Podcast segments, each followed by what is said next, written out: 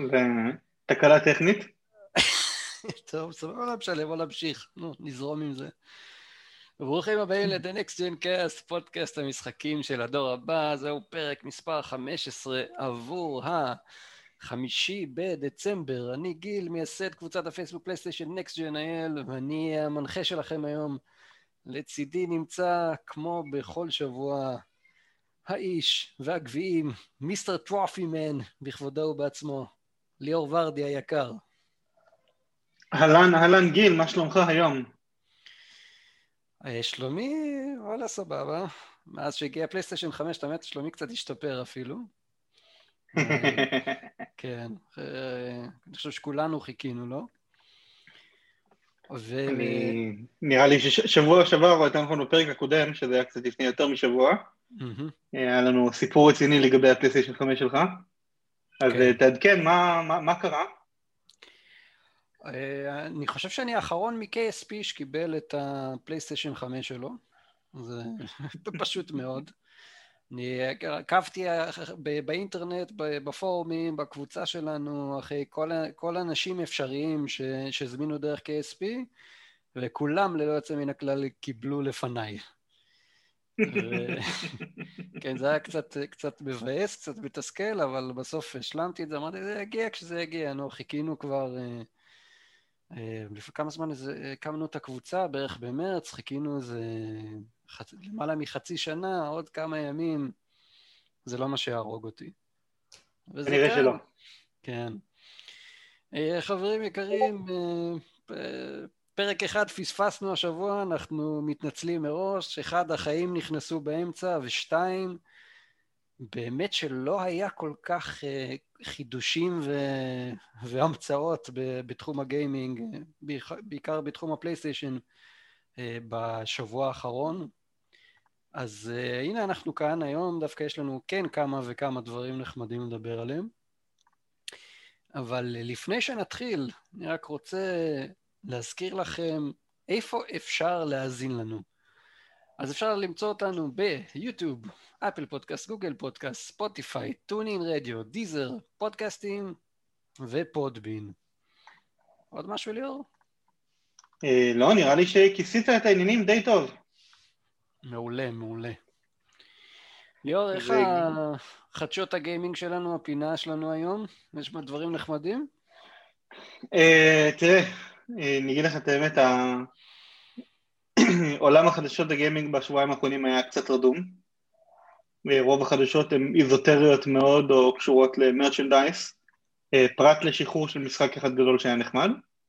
אבל למרות זאת כן הצלחנו ללקט פה ושם כמה חידושים וכאלה, אני מקווה שזה יהיה מעניין לקהל שלנו. אה, אבל לטובת העניין אנחנו נעשה אחרי נקסט בחדשות הגיימינג, אנחנו נעשה גם אה, דיון קצר בנושאים שעלו בקבוצה לאחרונה, mm-hmm. ובכלל אה, בנושאים שונים שקשורים ל-PS5, אז רצוי לרקות את זה. מעולה. אז יאללה, שנתחיל? יאללה, נתחיל. היית מספר אחת, take it away. אז אה, ידיעה מספר אחת בנקסט בחדשות הגיימינג, The World Ends With You, ניאו, הוכרז ל-PS4 ולנינטנדו סוויץ'. אז סביר להניח שהרבה מאוד מהקהל שלו לא מכירים את The World With You, אני לא יופתע, כי זה משחק שיצא במקור לנינטנדו DS, הקונסולה הניידת של uh, נינטנדו שיש לה שני מסכים.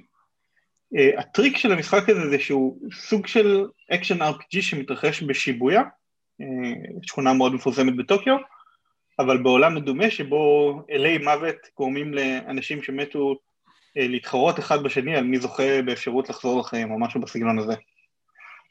אה, אז המשחק הזה היה cult classic מאוד מוצלח, באיזשהו שלב הוא גם קיבל רימייק אה, ל Switch והוא גם קיבל update למובייל, ועכשיו יצא לו המשך, אה, ממש אחרי כמעט 15 שנה אני חושב.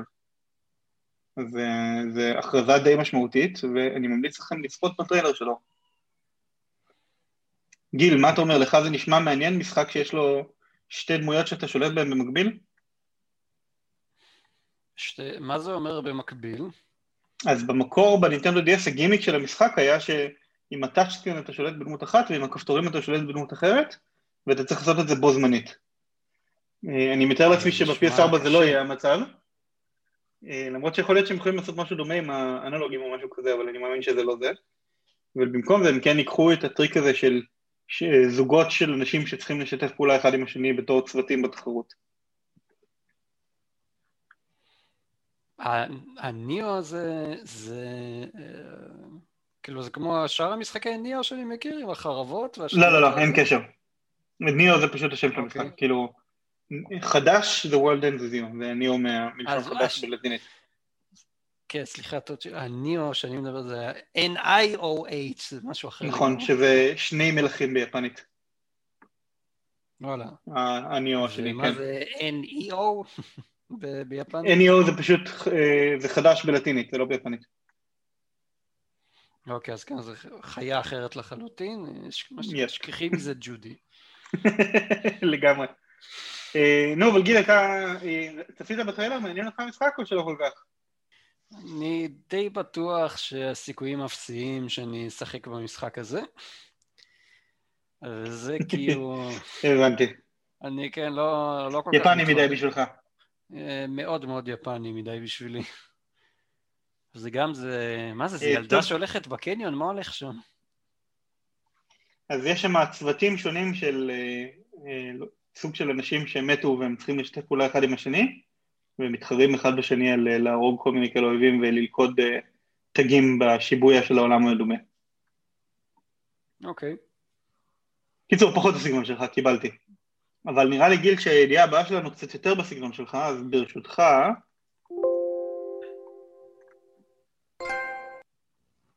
ידיעה מספר 2, Red Dead Online הופך להיות משחק משל עצמו שלא ידרוש את Red Dead Redemption 2. אז אה, Red Dead Online הגיע, הוא בעצם המצב מולטיפלייר של Red Dead Redemption 2 ו Rockstar הולכת להוציא אותו בתור stand alone, כלומר משחק multi, אי אפשר לקנות את המשחק multiplayer בנפרד, הוא יעלה 5 דולר אה, והוא יכיל את כל האלמנטים של, ה, אה, של המשחק של הקמפיין, של המשחק multiplayer שהגיע עם הקמפיין, שזה כולל חמישה קלאסים, 13 מצבי משחק. אה, מה שאותי מעניין ב, בכל הנושא הזה, זה שאיך זה יכול להיות שהם, שהם עשו את זה ל-Red Redemption, ל-Red Redemption 2, אבל לא עשו את זה ל-GTA Online. איך הם לא הוציאו את GTA Online בתור... בתור משחק נפרד, הוא הרי הרבה יותר פופולרי מזה. אני לא חושב לי. יש לי שתי תשובות לזה. אני, א', אני מסכים איתך. אה, ההיגיון אומר שזה צריך לקרות, אבל יש לי שני סיבות בעיקר עסקיות למה זה לא קרה. שתי סיבות. אז הראשונה. היא, כן, שתי סיבות, אתה צודק, גם אשתי עושה לי את זה, זה לגיטימי לחלוטין.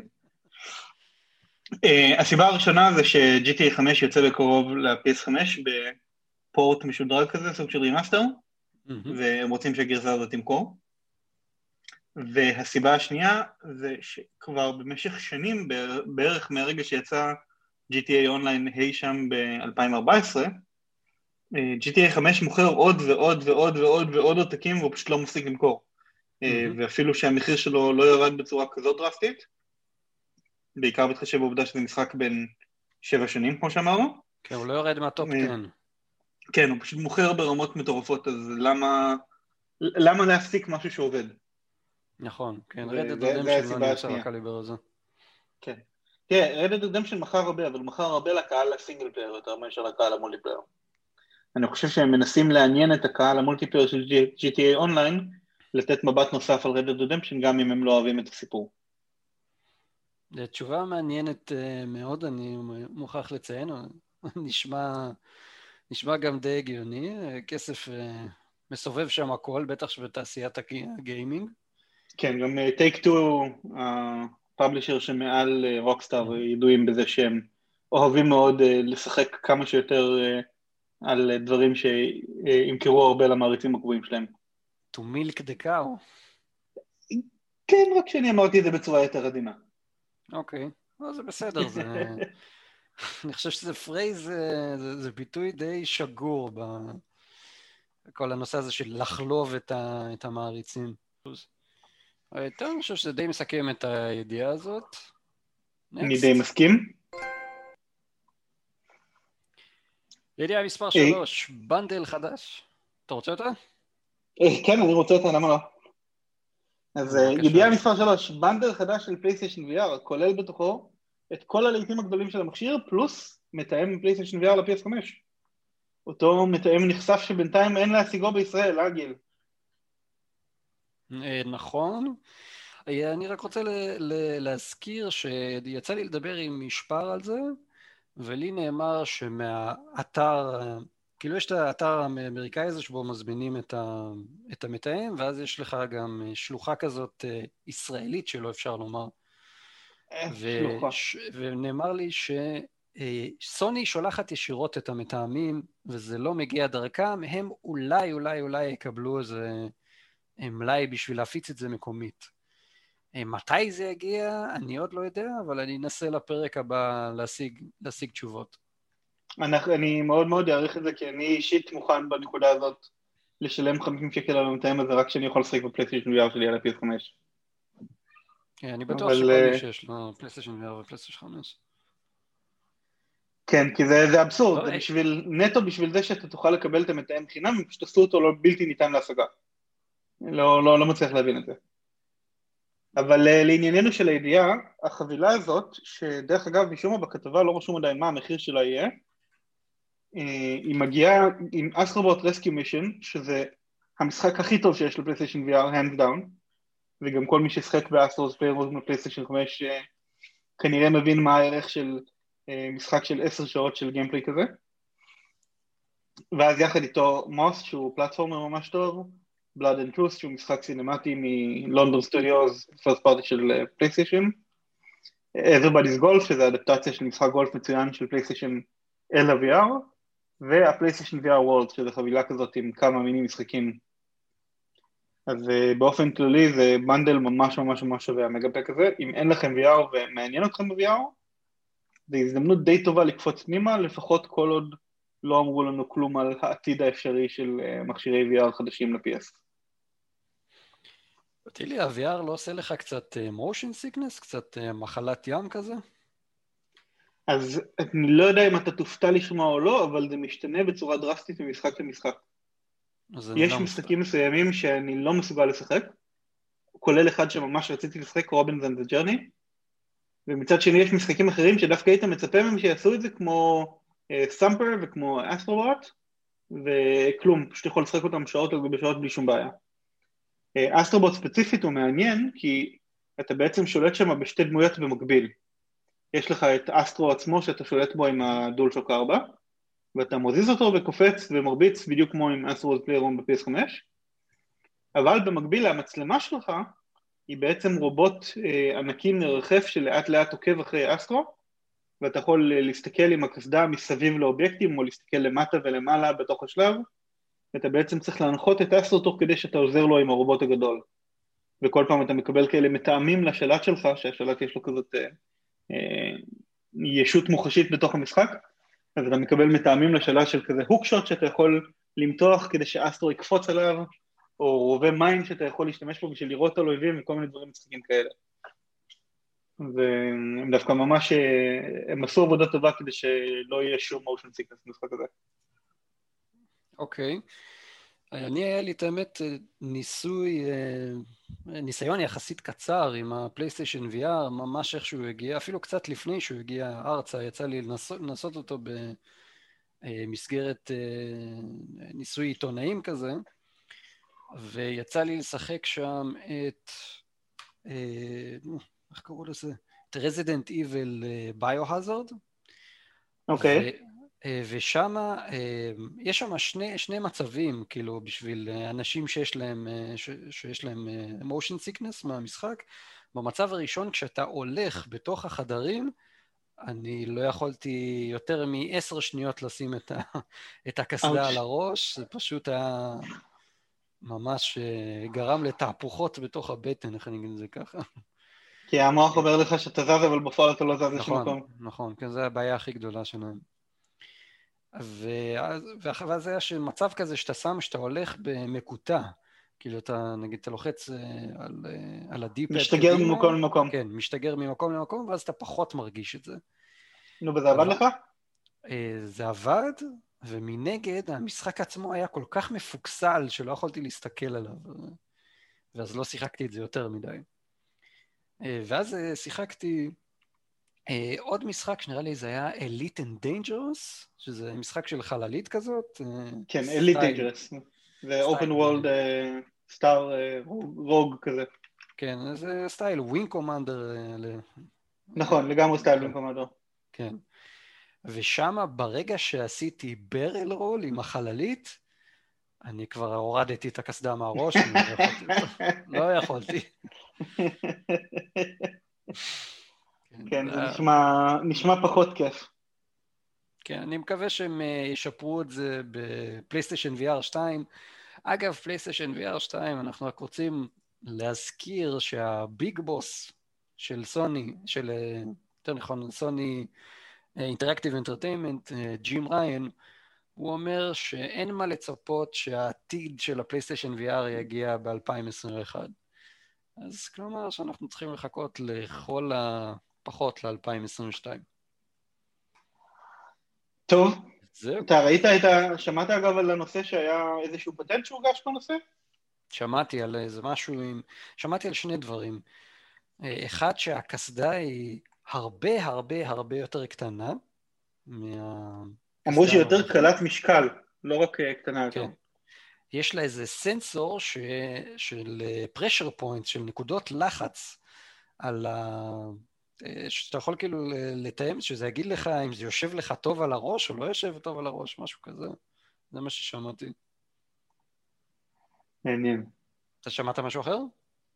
Uh, אני בעיקר ראיתי כמה קונספט ארט שאני חושב שהם היו של מעריצים, ושאמרו שהוגש איזשהו פטנט שמתאר חלק מהדברים שהקסדה תדבר עליהם, אבל מן הסתם היות וזה פטנט ולא הכרזת מוצר, אז אין לנו שם שמושג גם מתי זה אמור לקרות. Mm. Uh, מה שבטוח אבל למי שמתלבט אם לקנות או לא לקנות, uh, תהיו בטוחים שלא תראו שום פלייסטיישן VR חדש בשנה שנה פלוס הקרובות. זה... אם זה מעניין אתכם, אל תחכו סתם. ההשקה של הפלייסטיישן 5 הייתה הגדולה ביותר אי פעם, ומלאים נוספים בדרך. זה מגיע, הידיעה הזאת מגיעה אלינו מציוץ רשמי של, ה, של החשבון טוויטר של פלייסטיישן. הם טוענים שלא, מספרים כאלה לא היו עד היום, שזה הכמויות הכי גדולות שלהם שאי פעם נמכרו. אגב, מהערכות של VG Charts, קוראים להם? וידאו גיים צ'ארטס, זה אתר... שהם ידועים קצת בהרבה ניחושים, כן. לא... כן. שווה לקחת את ההערכות האלה עם הרבה מלח. אוקיי, אז אה, כמו, ש, כמו שליאור אמר, הם טוענים שבשבוע הראשון של ההשקה של פלייסטיישן 5 נמכרו קצת יותר ממיליון יחידות. אני לא רוצה לתאר לעצמי שיש יותר יחידות מזה שנמכרו.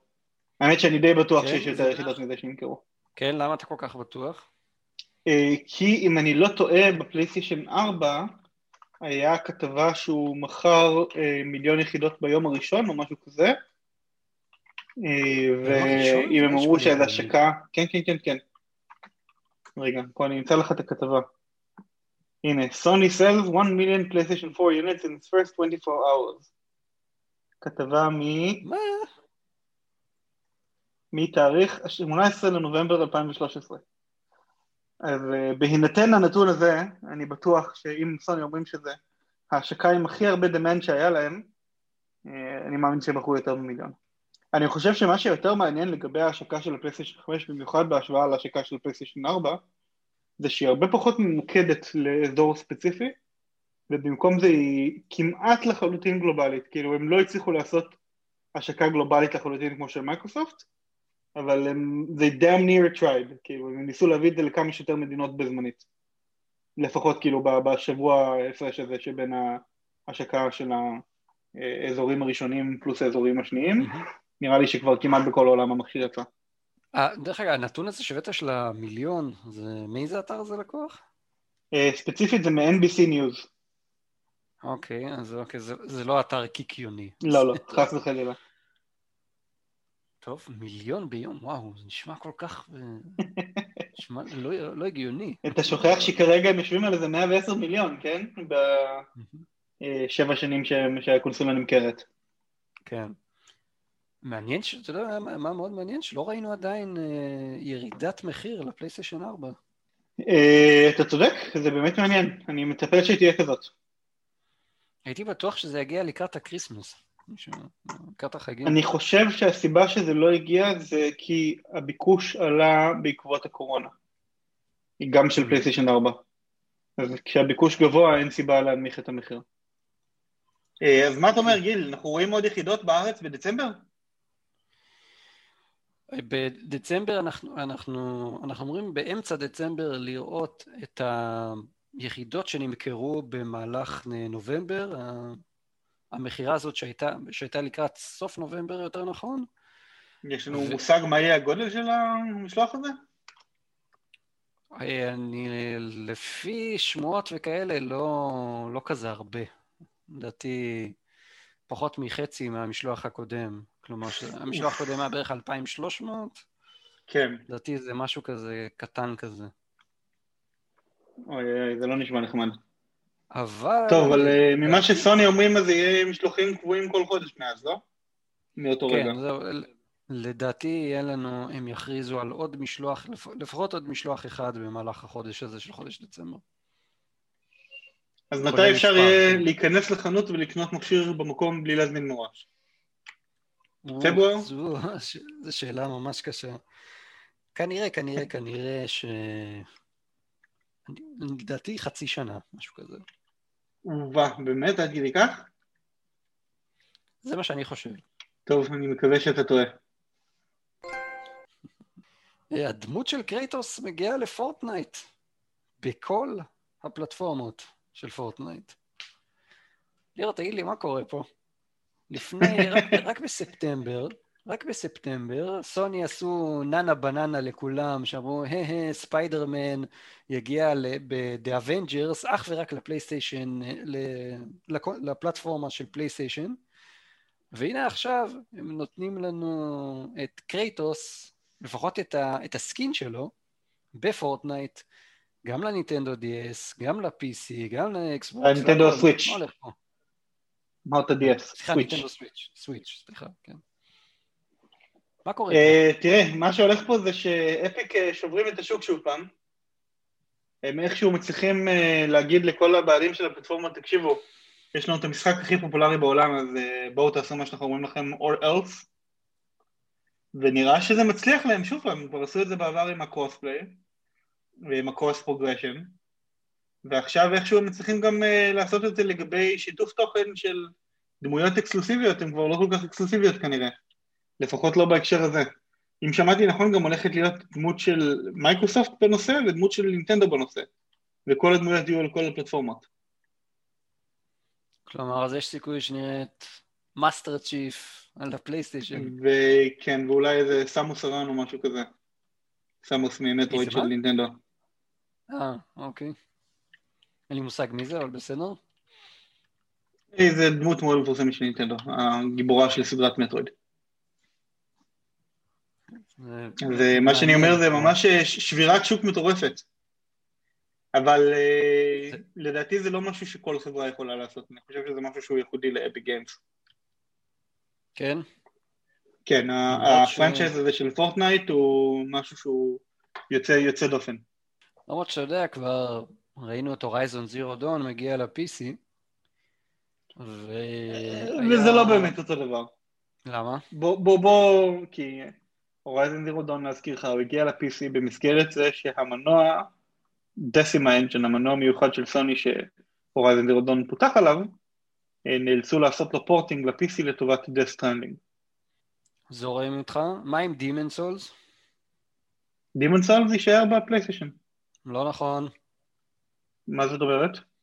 אתה לא ראית את הכוכבית הקטנה הזאת בטריילר? לא, איזה כוכבית קטנה? שנייה, אני חייב להעלות את זה עכשיו. אני ראיתי את זה וחשכו עיניי במרכאות.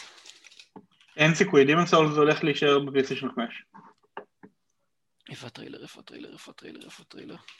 איפה הטריילר? יש לך עשר שניות. tick tock on the clock, גיל גיל. הנה שנייה אחת. נראה לי שאתה מדבר על זה שהטריילר המקורי שלו, רגע, היה רשום שזה הולך לצאת גם לפלטפורמות אה, פלטפורמות אחרות בעתיד, או PC בעתיד, וזה היה טעות, הם אחרי זה ערכו את הטריילר ועדכנו אותו חזרה לאיך שזה אמור להיות. כן, זה היה טעות טכנית. זה היה אמור להיות על טריילר אחר, ומישהו עשה את זה על הטריילר הלא נכון. אני אגיד לך גם יותר מזה, כן, Demon's אה, Souls הוא פיתוח משותף, Demon's Souls המקורי, הוא פיתוח משותף של From אה, Software עם Sony Interactive Entertainment Japan. Japan Studios של סוני. עכשיו, עכשיו מצאתי... והבעלות על ה intellectual property. אני מודע לזה לגמרי. אני עכשיו גם מוצא את מה שאמרת. Sony says Demon's Souls announcement was, uh, סליחה, Sony says Demon's Souls PC announcement was human error. כן, אבל אני לא ראיתי טעות במשתמש. כן, טוב, אז חברים, שכחו ממה שאמרתי מקודם. לא, לא ידעתי שזה אחר כך שהם תיקנו את זה, כי הסתכלתי על זה ואמרתי, וואו! זה תוקן, תוקן עוד באותו יום אפילו. לא ראיתי את התיקון הזה, זה קטע. טוב. כן, בכל מקרה מה שאני אומר זה של Epic Games יש אה, זכויות שמורות רק להם בזכות המכירות הפסיכיות של פורטנייט, שהם יכולים לבקש דברים שאף אחד אחר לא יעז בכלל לנסות. אז אתה אומר, זה שדחפו שם את Kratos, זה כאילו כל marketing זה marketing טוב, מה שנקרא, כאילו... אה, כן, אני אגיד לך אגב יותר מזה, אני חושב שההכרזה הזאת הגיעה בטעות מוקדם מדי. אני חושב שהם התכוונו להכריז על כל שלושת השיתופי פעולה האלה בבת אחת בשבוע הבא ב Game Awards של ג'ף קילי. אה, אבל אחד מהם כנראה דלף, אז הם נאלצו להכריז עליו מוקדם. או במילים אחרות, חכו ליום חמישי הקרוב, יהיה מעניין. כן, ה Game Awards. תנו לי Silent Hill, תנו לי Silent Hill, בבקשה, בבקשה. לא, זה לא יקרה. למה לא? כי נו באמת, נראה לך ש Konami מעניין אותם מה אנשים רוצים? תקשיב, כל הסימנים מראים שזה הולך לצאת. כל, אבל הכל. בסדר, אני, אני אאמין לסימנים האלה כשאני אראה את המשחק מוכרז. הם כאילו אפילו יצרו ממש ממש לאחרונה חשבון טוויטר account שנקרא Silent Hill. שנייה, רגע. אתה יכול לספר לי עד מחר, כשהמשחק יוכרז אני אאמין לך. אני... טוב, אבל גיל, אה, אם אנחנו מדברים על הכרזות, יש לנו לדעתי כמה הכרזות בידיעה הבאה שלנו, אז אולי נעשה נקסט הידיעה הבאה. נלך על זה. אתה רוצה לקחת אותה? אה, כן, אפשר, הכוונה הייתה שאתה תיקח אותה, אבל גם אני יכול לקחת. אה, ידיעה מספר 6 להיום, משחקי הפלייסטיישן פלוס של חודש דצמבר הוכרזו. אה, שוב, אנחנו בעיכוב קל כי הפודקאסט הקודם מוקלט אי שם ב-23 לנובמבר, אז ההכרזה הזאת היא מיומיים אחריו. ובנקודת זמן הזאת שאתם מקשיבים להיום, המשחקים כבר שוחררו, והם Just Cause 4, Rocket Arena ו-Worms Rumble, כאשר Worms Rumble הוא גרסת PS5 גם. אז יש לנו משחק PS5 בחינם שוב, וזה שוב פעם משחק שזה ביום ההשקה שלו, שזה מעניין. אה, ווורמס רמבל, למי שלא יודע, זה עיוות של אה, המותג וורמס, על ידי היוצרים המקוריים אמנם, שהוא ריל אה, טיים במקום תורות.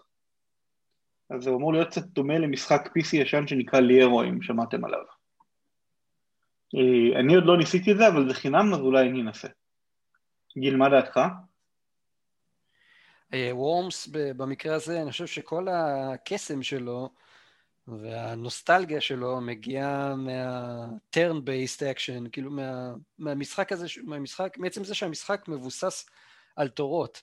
מזה שאתה צריך להמתין ולראות מה החבר שלך מנסה לעשות, או מה הוא, אה, איך הוא הולך אולי לעשות טעות ולפוצץ את עצמו, כאילו, כאילו אתה רואה את כל הדברים אה, קורים לך מול העיניים, ואתה לא יכול באמת להגיב להם. זה, זה היה כל הקסם של המשחק הזה.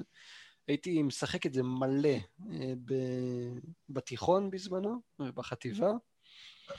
זה אחד, אני חושב, אחד המשחקים הכי כיפים בעולם, לשחק עם כמה חבר'ה עם בירות, קצת להיות קצת שטויים. אני... אה, כן, יש בזה משהו. וורמס is love, באמת. אז אה, אני לא, לא אוהב את הכיוון החדש הזה שלהם. טוב, נראה אם זה יצליח להם או לא, אבל uh, מה אתה חושב על הכיוון החדש שזה חודש שני ברציפות שאנחנו מקבלים משחק PS5 ביום ההשקה שלו? כיף, אה, כיף גדול, ו-the more the merrier, והי דה סוני, מה מה עוד אפשר להגיד על זה? אה, נראה לי שאפשר להגיד על זה נקסט לידיעה הבאה. מאה אחוז. ידיעה מספר 7, והידיעה האחרונה לנקסט בחדשות הגיימינג שלנו, משחק, אה, משחקי ה-PS Now של חודש דצמבר הוכרזו, יש את Horizon Zero Dawn, Stranded Deep, Broforce, Wreckfest Drive Hard Die Last, The Surge 2 ו Darksiders 3. ליאור, בתור אחד שיש לו חשבון PS Now, כמה אתה מבסוט מ-1 עד 10? אה, האמת ששלוש ארבע כזה, והסיבה המרכזית היא שאת השני המשחקים הגדולים פה כבר שיחקתי, שזה Darksiders 3 ו Horizon Zero Dawn. אבל זה זמן טוב להזכיר ש Horizon Zero Dawn היה כבר בעבר ב PlayStation Now, אבל הוא היה עם פג תוקף, וכשפג תוקפו הוא פשוט יצא מהשירות, והפעם הם מחזירים אותו אבל בלי פג תוקף. נכון. אה, זה סוג של אה, חידוש מעניין לקונספט של אה, הנה תראו רציתם את זה ונתנו לכם את זה זמנית אבל עכשיו אתם מקבלים את זה חזרה לנצח. מכל המשחקים האלה שהקראתי רק על Wreckfest רשום שהוא במאי ירד חזרה, ירד מהרשימות של ה PlayStation Now שזה נחמד. תגיד מה, מה איתך אתה שיחקת בסדרת Darksiders? לא, לא יצא לי לשחק בזה עד היום. שמעתי שזה נחמד, אבל... נחמד מאוד. מה שמעניין בדארק סיידר זה שכל אחד מהמשחקים הוא משלב אלמנטים מסוימים של uh, The Legend of Zelda באופן משעשע, של נינטנדו, יחד עם איזשהו משחק אחר. אז uh, המשחק הראשון בסדרה משלב את The Legend of Zelda עם God of War, המשחק השני משלב את The Legend of Zelda עם דיאבלו, והמשחק השלישי שזה זה שנותנים החודש בחינם בפלייסטיישן נאו, או יותר נכון, מעכשיו ועד שיגידו אחרת, הוא משלב את The Legend of Zelda עם Dark Souls. אז זה משחק שהוא Souls-like, אבל עם מבוכים בסגנון זלדה. שזה שילוב שבאופן מפתיע עובד ממש טוב, אני ממש נהניתי ממנו. אז אני ממליץ עליו, יש לי גם פלטינים בו במשחק הזה. באופן מפתיע. אה, פחות מפתיע, כי יש לי פלטינים בכל סדרת דארק סלרס, חוץ מהאחרון שיצא ג'נסיס, כי אני כרגע משחק בו. אני, כן, הייתי ציני ליאור. האמת שב Darksiders 1 ו-2 עשיתי פלטינומים יותר מפעם אחת, כי עשיתי גם ב remaster וגם במקורי. אתה, דרך אגב, כל משחק שאתה מתחיל לשחק, אתה מחליט, אני עושה בזה, אני חייב לעשות בזה פלטינום? אה, כל משחק שאני מתחיל לשחק אני מנסה, אלא אם כן אני לא מתחבר למשחק, או אלא אם כן הדרישות של הפלטינום הן מוגזמות. אוקיי, איזה משחק לא התחברת ולא עשית למשל? אה, זו שאלה טובה, תן לי לשלוף לך תשובה עדכנית לנושא מהפרופיל שלי בפלייסטיישן פרופיילס.קום.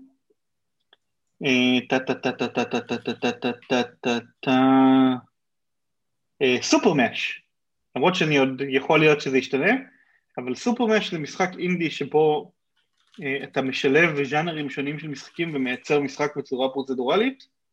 והוא ממש ממש ממש גרוע. כאילו ברמה של כמעט כל משחק שאתה בונה שם מז'אנר השוטר הוא פשוט אי אפשר לנצח בו. וכל המשחקים שם חוזרים על עצמם, אפילו שכל הפואנט הזה שזה משחקים שאתה מייצר בצורה דינמית. אז הוא פשוט עד כדי כך גרוע שאפילו שעשיתי בו אני חושב 50% מהגביעים לפי מה שרשום פה, אני פשוט זנחתי אותו ואני כנראה לא אמשיך לשחק בו. אז אה, הנה לך דוגמה.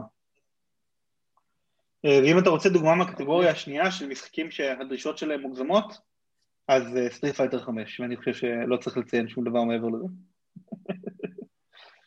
וואלה, מה, תן דוגמה מה, מה מוגזם שם. אה, אני אתן לך דוגמה מה מוגזם שם, רק רגע. אה, צריך לנצח 100 משחקים ב-ranked matches online, לדוגמה. לנצח 100 משחקים ברקט אונליין? כן, וגם צריך okay. אוקיי. שיהיה לך רצף ניצחונות של שלוש ניצחונות ב-ranked matches ב-online. אה, וצריך להגיע לליגת הזהב בניקוד שלך. וצריך אוקיי, לעשות כל מיני דברים מוזרים כמו לסיים match עם EX special move 300 פעמים. יש שם פשוט משחק שהוא... כן, זה אחד מה-trophies. זה trophy שאפילו bronze זה גול. זה ממש מוגזם. כן, זה סתם זה כזה... אה, בוא נסדר אותם רגע לפי rarity, אז אני אגיד לך מה הכי נדיר פה. הנה, ה-trophy הכי נדיר פה, אה, לנצח את survival mode על אקסטרים, מסתבר. אה, הנה ה-trophy אחריו יותר נוראי. להשיג 1 מיליון fight money, בבקשה, בהצלחה. טוב, אז כנראה שאני לא אעשה פלטינום בסטריט פייטר 5. אז זה בדיוק הייתה הגישה שלי כשקראתי את הרשימת גביעים הזאת. טוב, גיל, וזה הסתיים סקשן החדשות שלנו היום, נכון? אכן כן. ויש לנו איזה, אה, איזה מנגינה, משהו לסוף אה, חדשות? תן, תן, לא, תן, תן, תן. אנחנו חייבים למצוא איזה משהו לזה. צריך, צריך, מתישהו. טוב. זה נקסט ברשימת הקניות שלנו אולי. אוקיי. אה, ולפינה הבאה שלנו, נקסט על שולחן הדיונים, אה, כבלים, הגדרות, שיאים ושאר ירקות. אה, אנחנו נתחיל עם כבלים. במקרה הזה אני רואה, גם בקבוצה שלנו, גם בכל מיני קבוצות פייסבוק אחרות, אנשים, אנשים שרוצים לקנות כבל של HDMI 2.1 לפלייסטיישן, או אנשים למשל רוצים לחבר את הפלייסטיישן בשני חדרים, להעביר אותו מחדר לחדר, רוצים לקנות עוד כבל, שואלים איזה כבל צריך לקנות, האם אפשר להשתמש בכבל ישן יותר, האם חייבים שזה יהיה כבל שהוא מגיע עם certification, אה, ואני רוצה לענות על השאלה הזאת שהיא שאלה מצוינת. ואני אפתיע אותך גיל, אני בעצמי לא יודע את התשובה לשאלה הזאת. אני אוקיי. קראתי על הנושא הרבה יותר מדי זמן, ועד עכשיו אני לא במאה אחוז בטוח, באמת צריך כבל ultra high speed בשביל להצליח להעביר HDMI 2.1 או לא? אוקיי, אז בואו אה, נתחיל ככה בטיול אה, חזרה אחורה ב-memory lane, מה שנקרא. בשנת... memory meadow. בסימן אסטרובות. ממורי מדו. אוקיי, ממורי מודו, מה שלא יהיה. מדו, מדו, אחו. אוקיי. אה, זאת אומרת, אני לא מכיר את המילה הזאת, אבל בסדר. בכל אופן, בשנת 2002 חברו שבעה חברות ביחד. היטאצ'י, סניו, שהיא היום פנסוניק, פיליפס, סיליקון אימג', סוני, טכניקולור וטושיבה.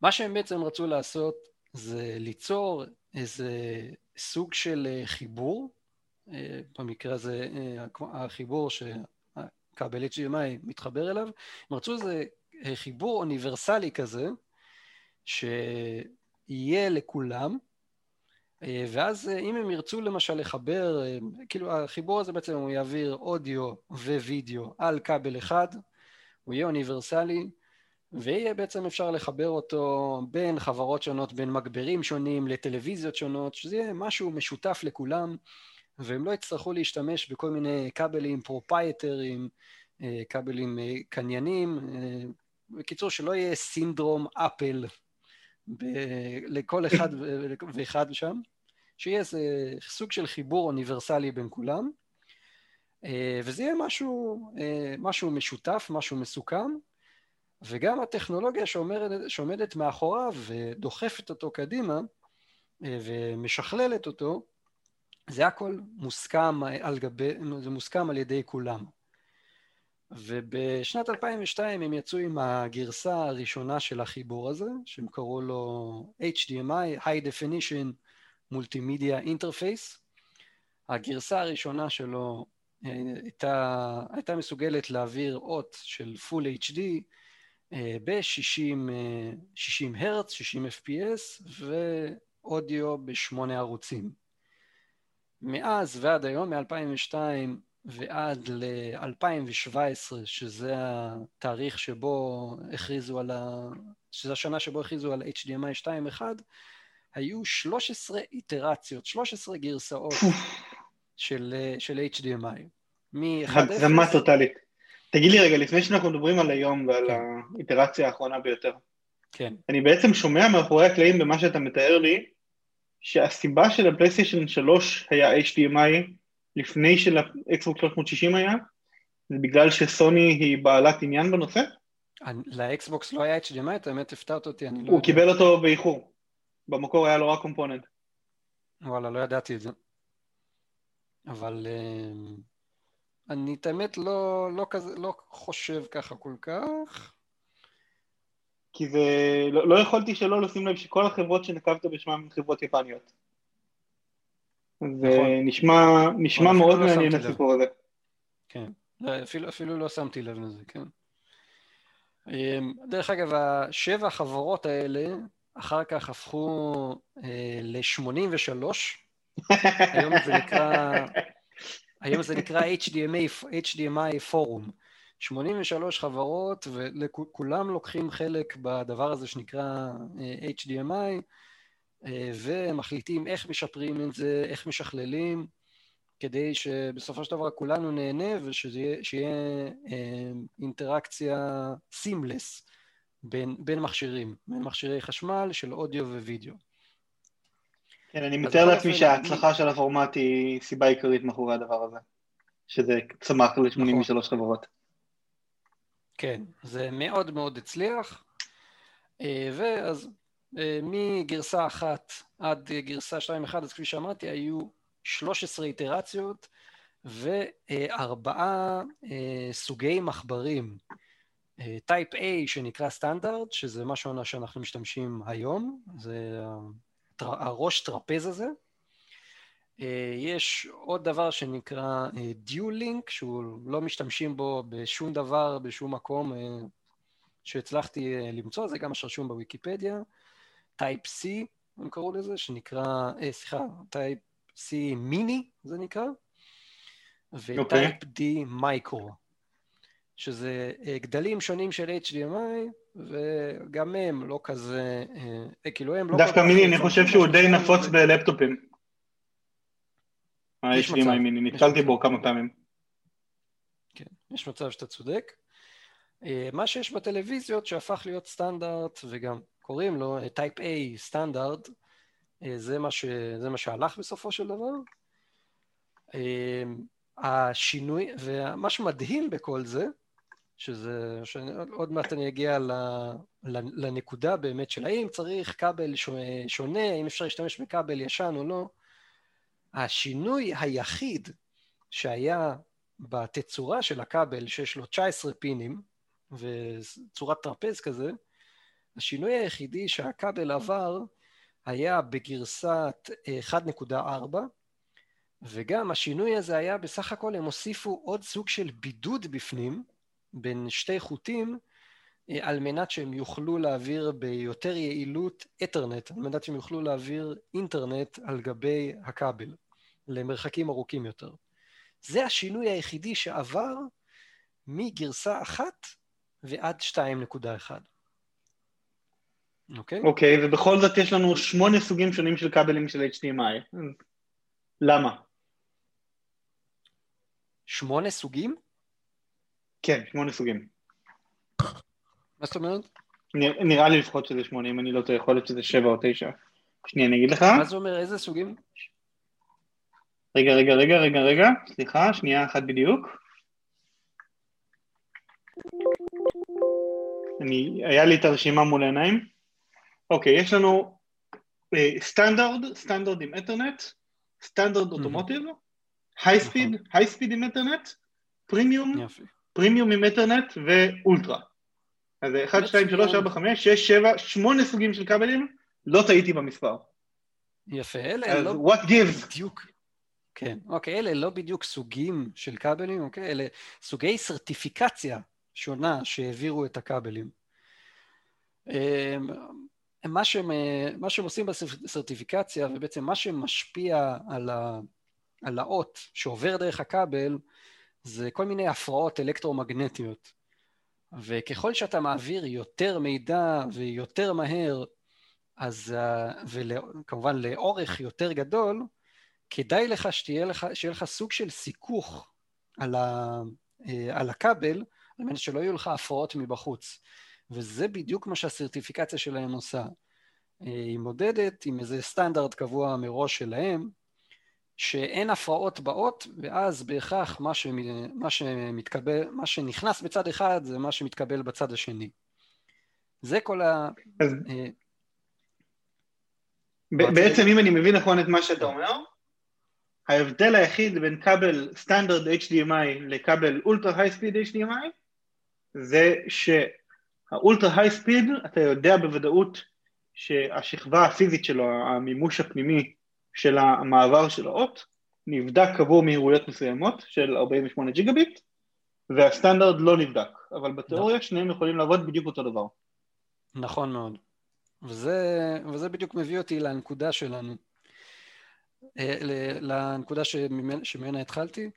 לי בבית, כל הכבלים שלי הם כבלים סינים מצ'וקמקים שעלו לי באמת כמה דולרים בודדים באי-ביי, באלי אקספרס וכולי וכולי. הם לא עברו שום סרטיפיקציה, הם על בטוח לא עברו שום סרטיפיקציה בשום מקום. הם כבלים הכי פשוטים שיש. הכבלים שעברו סרטיפיקציה בדרך כלל עולים אה, עשרות דולרים בודדים, אה, כמו למשל אם, ה... למשל אם אתם מחפשים כבל שבהכרח עבר סרטיפיקציה ל-HDMI 2.1 שנקרא אולטרה אולטרה ספיד אז אה, יש, אה, אני אשים אולי אפילו לינק, ב, אני חושב, בתוך, ה, בתוך הפוסט, אבל יש בקבוצה שלנו אה, לינק לכבל כזה שעבר סרטיפיקציה ונמכר פה ב-KSP בכמה עשרות שקלים בודדים, 68 שקל אני חושב, 70 שקל.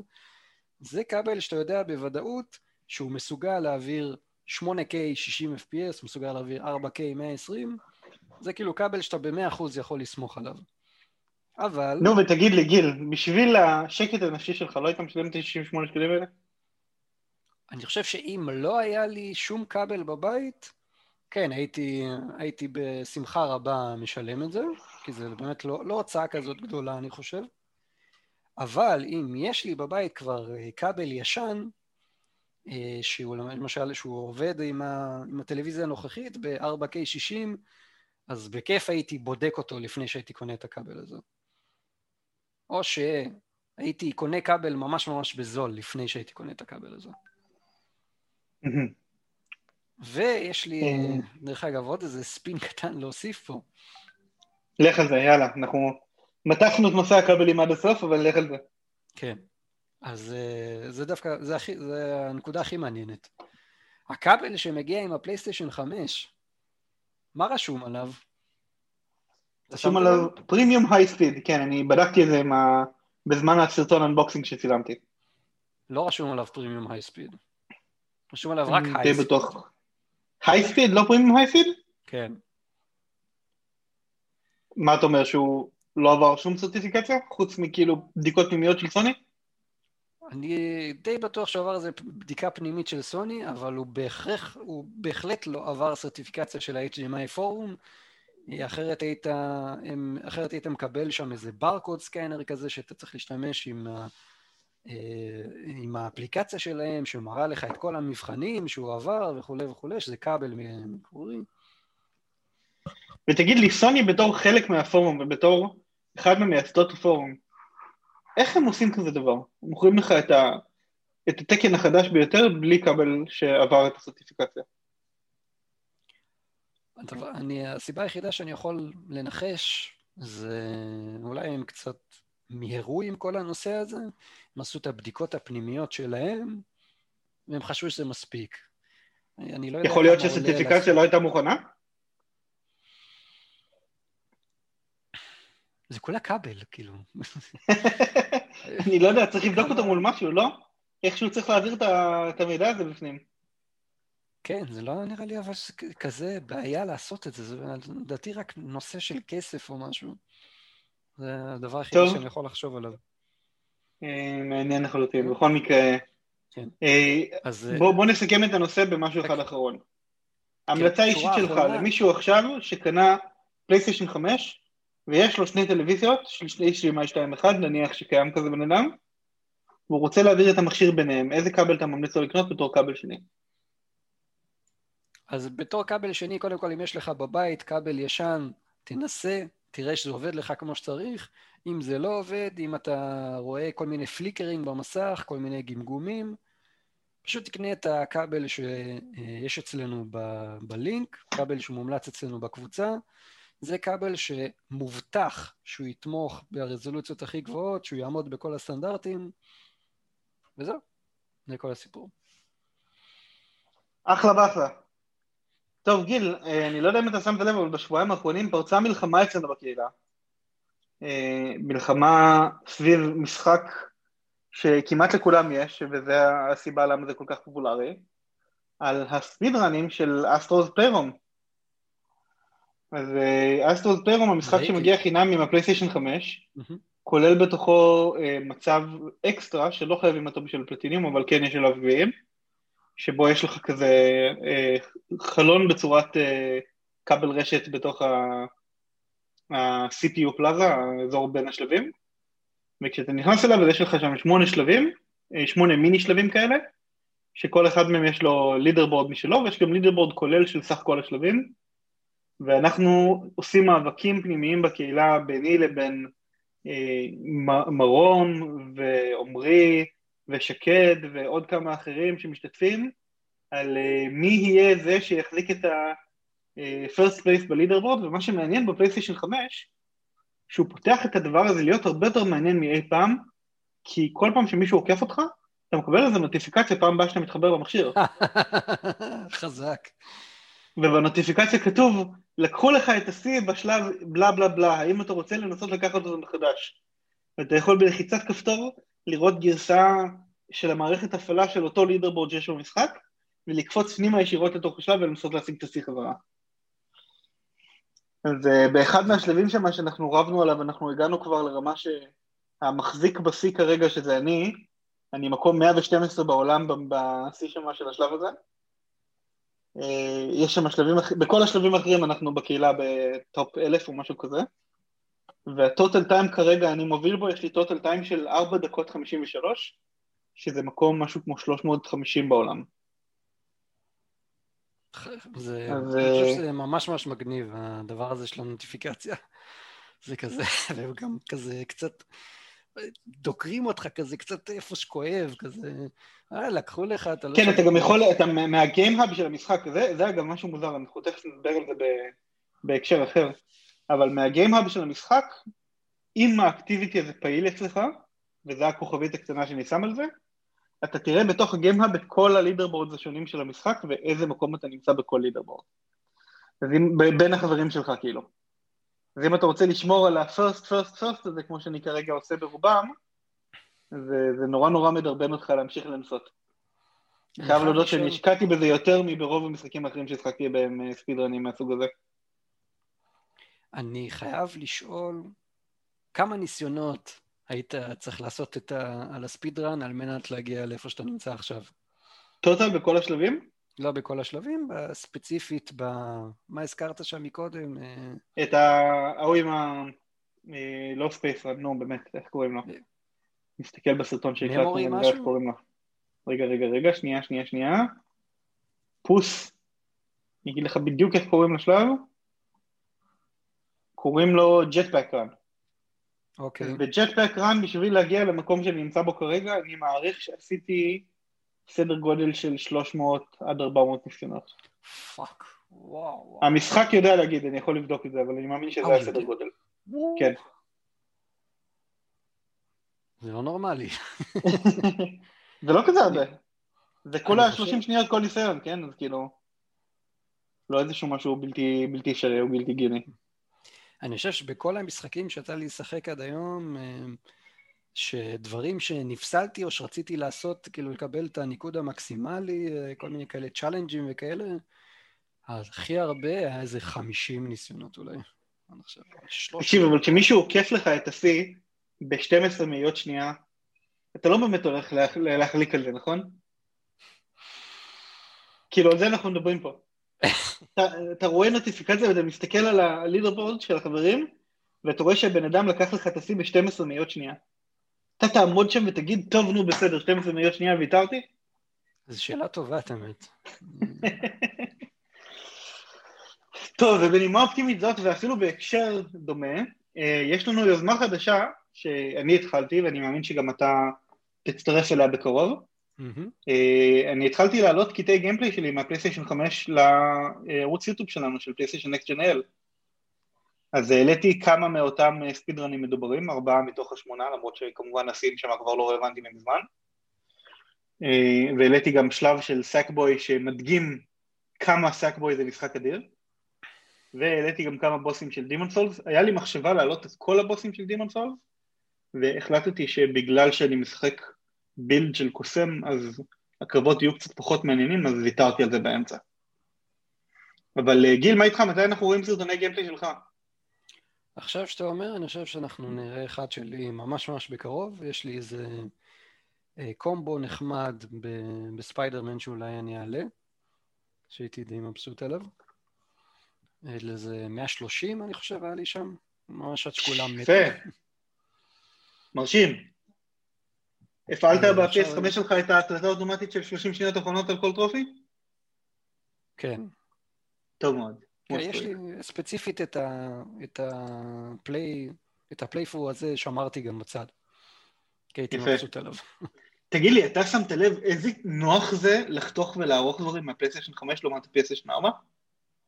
מאוד, מאוד, מאוד מאוד נוח, כן. כאילו, אני אזכיר ממש בקצרה, אבל כשאתה שומר את ה gameplay, א', אתה יכול לשמור אה, לא את כל הקליפ, אלא לשמור רק 5 דקות אחרונות, או 30 שניות אחרונות, או 10 דקות, כמה שנוח לך.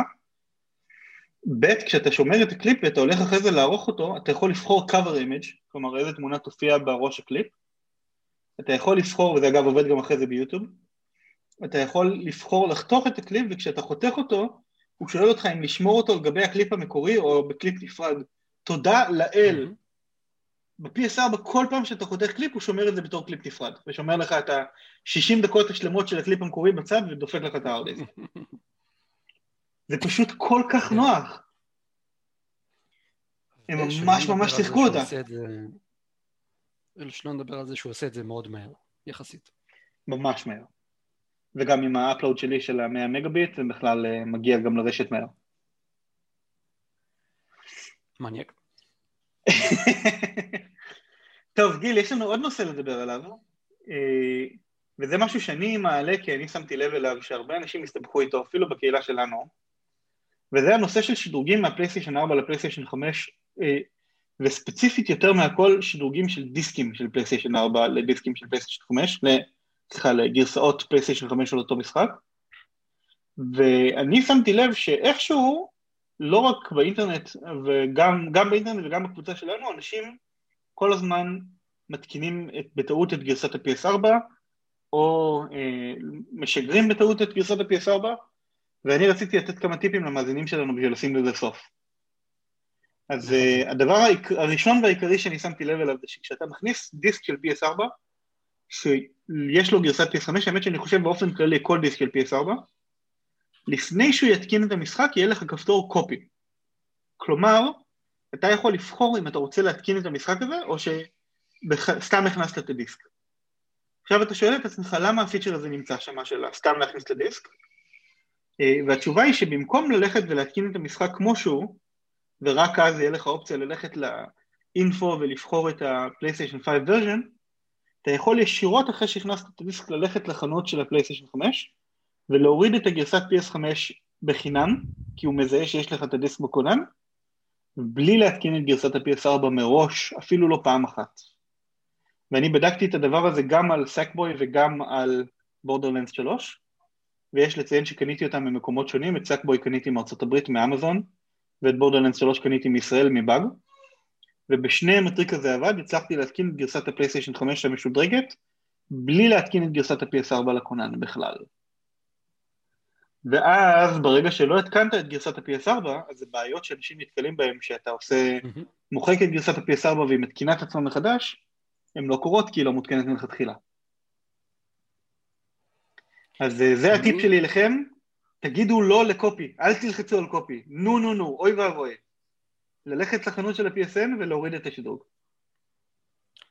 אה, הניסיון שהיה לי עם הדבר הזה, זה אמנם עוד לא יצא לי לקנות שום דבר בחנות, אבל כן יצא לי לקבל קוד לסיקור של, של ספיידרמן, שהגיע איתו יחד גם הגרסה של הפלייסטיישן 4, גם הפלייסטיישן 5 וגם ה ultimate של, של, של ה Marvel ספיידרמן. ספיידרמן remastered, כן. כן. וראיתי שפשוט אה, הוא נותן לי לבחור איזה גרסאות, אני פשוט לא, אין שום סיבה שאני אבחר את הגרסה של הפלייסטיישן 4, אז בחרתי בפלייסטיישן 5 וזה כל מה שיש לי במערכת, זה כל מה שירוץ. אה, כן, אז הבעיה באמת היא פחות בגרסה הדיגיטלית, אלא היא בגרסאות הפיזיות, כן. שאנשים פשוט התקינו בטעות את הדיסק שהם הכניסו לכונן כמו שהוא, ואז הם משחקים בו במקום לשחק בגרסת ה-PS5, כי אתה לא שם לב, עד, כי כשאתה עומד על המשחק זה לא ברור. רק בצד, בכותרת של המשחק, יש כזה אה, קו נוטה ורשום PS4, אבל על גרסת ה-PS5 לא רשום PS5. אז על גרסת ה-PS4 כן רשום, ועל גרסת ה-PS5 לא רשום. ואתה יכול שיהיה לך את שני האייקונים, אחד לצד השני על הדשבורד, ואפילו אחד לצד השני בלייברי, ונורא נורא קשה להבדיל ביניהם, אלא אם כן אתה יודע מה אתה מחפש. אז בשביל בכלל מראש להימנע מהמצב הזה, אל תלחצו על קופי אף פעם, באף מצב, למשחק שיש לו גרסת PS5 משודרגת, תכניסו את הדיסק, תלכו לחנות, תורידו את גרסת ה-PS5, שלום על ישראל. ואגב, אם אתם רואים שבחנות גרסת ה-PS5 היא לא בחינם, זה אומר שכנראה אתם בחנות הלא נכונה. כי כל דיסק אתה חייב להיכנס לחנות של ה-PSN שמתאימה לאותו דיריג'ן של הדיסק. כלומר, דיסק שקנית בישראל, אתה חייב להשתמש PSN ישראלי בשביל לקבל את השדרוג, דיסק שקנית בארצות הברית, אתה חייב להשתמש PSN אמריקאי, כמובן שאין בעיה שלשני המשתמשים האלה אותו פלייסטיישן 5 יהיה ה offline PS5 שלהם. ולכן אתה יכול להוריד את השדרוג מהגרסה מהמשתמש הישראלי וללכת לשחק אותו במשתמש האמריקאי, זה גם מה שאני עושה. מגניב. סבבה יוז'ים. ואוקיי, מה ה bullet point הבא שלנו? הגדרות מערכת של הפלייסטיישן 5, עם מה כדאי להתעסק. אה, זה דווקא, זו שאלה נחמדה. ליאור, אתה חפרת קצת את התפריטים בפלייסטיישן? אני חפרתי, והאמת שאני חייב להודות שהם הרבה יותר מסואבים ומתוסבכים ממה שציפיתי שהם יהיו. למה? כי זה לא אינטואיטיבי למצוא את מה שאני מחפש. ולפעמים לוקח הרבה יותר מדי קליקים להגיע למשהו שב-PS4 לקח פחות קליקים. אה, לדוגמה, לכבות שלט, או להנמיך את הווליום של השלט. אתה צריך ללחוץ על הפלייסטיישן button, ואז ללכת ל accessories, ואז ללחוץ על ה controller, ואז ללחוץ על DualSense settings, ואז זה תופס לך את כל המסך, ורק אז אתה יכול להנמיך את השלט. לעומת ה-PS4 שלו שאני עושה לחיצה ארוכה ומנמיך אותו מה quick menu. אוקיי, אני את האמת אה, אה, קצת, אה, עכשיו שאתה מזכיר את זה, מאוד ביאס אותי שהם החליפו את, ה, את הפעולה של הכפתור של הפלייסטיישן, הכפתור האמצעי. כן, ועדיין לא התרגלתי לזה. אני גם, כל הזמן אני מת, מתבלבל בין השניים. שבמקום מה שהיה להחזיק זה עכשיו ללחוץ, ומה שהיה ללחוץ זה כן. עכשיו להחזיק. נכון. זה קצת... למה? לא יודע. ממש לא יודע. תנו לנו, תנו לנו צ'קבוקס להחליף את זה חזרה, בבקשה, בבקשה, בבקשה. תהי לי, איזה... עם איזה דברים אה, שיחקת? עם מה אתה ממליץ לאנשים להיכנס, למשל, לשחק? אז uh, כמה דברים אני ממליץ לשחק איתם מבחינת הגדרות מערכת. Uh, הראשון מביניהם זה הנושא של uh, rest mode. יש שם הגדרה של uh, האם אתה רוצה שכשאתה לוחץ על rest mode המכשיר יכבה כמעט לחלוטין וישמור על low power, או שאתה רוצה שהוא יישאר מחובר לאינטרנט ויישאר עם uh, צריכת חשמל נמוכה אבל משמעותית, והוא יוכל לעשות לך הורדות אוטומטיות ולטען לך את השלטים. אני ממליץ לכולם לבחור באופציה השנייה, באופציה האמצעית של ה... שהוא יוכל לטעון את השלטים, שהוא יוכל להוריד עדכונים אוטומטית. אני לא מבין למה זה לא הברירת מחדל, תהרוג אותי, אין לי שם מושג למה זה לא הברירת מחדל. אה, זה דבר אחד. דבר שני זה Game Presets. רק שנייה אחת. כן, אוקיי, דבר אתה. זה גם הפירמור אפגריד? לעשות את העדכון אוטומטי? אה, בטח, מה, זה אתה עושה, איך שאתה מתחיל את המכשיר בפעם הראשונה אתה עושה את זה. רגע, לא, אתה שואל אם הפירמור אפגריד יכול לעשות אוטומטית? לא. רק שאפדייטים של משחקים הם אוטומטיים. אוקיי, סבבה. כן. סליחה, לרגע לקח לי רגע להבין את השאלה שלך.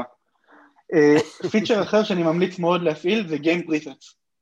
הם החביאו אותו במקום נורא, שזה תחת ה-user settings שלך, אבל אתה יכול עבור כל משתמש להגדיר פריסטים אה, של איזה רמת קושי אתה אוהב לשחק במשחקים, והאם אתה אוהב את המצלמה הפוכה או לא הפוכה, inverted controls כאילו, ואם אתה רוצה שיהיה subtitles, וברגע שאתה מגדיר את ההגדרות האלה, כל פעם שנכנס למשחק חדש ההגדרות עושות אוטומטית, תפעילו את זה, תשמרו את זה קבוע ותשכחו מזה, כי זה אחלה פיצ'ר.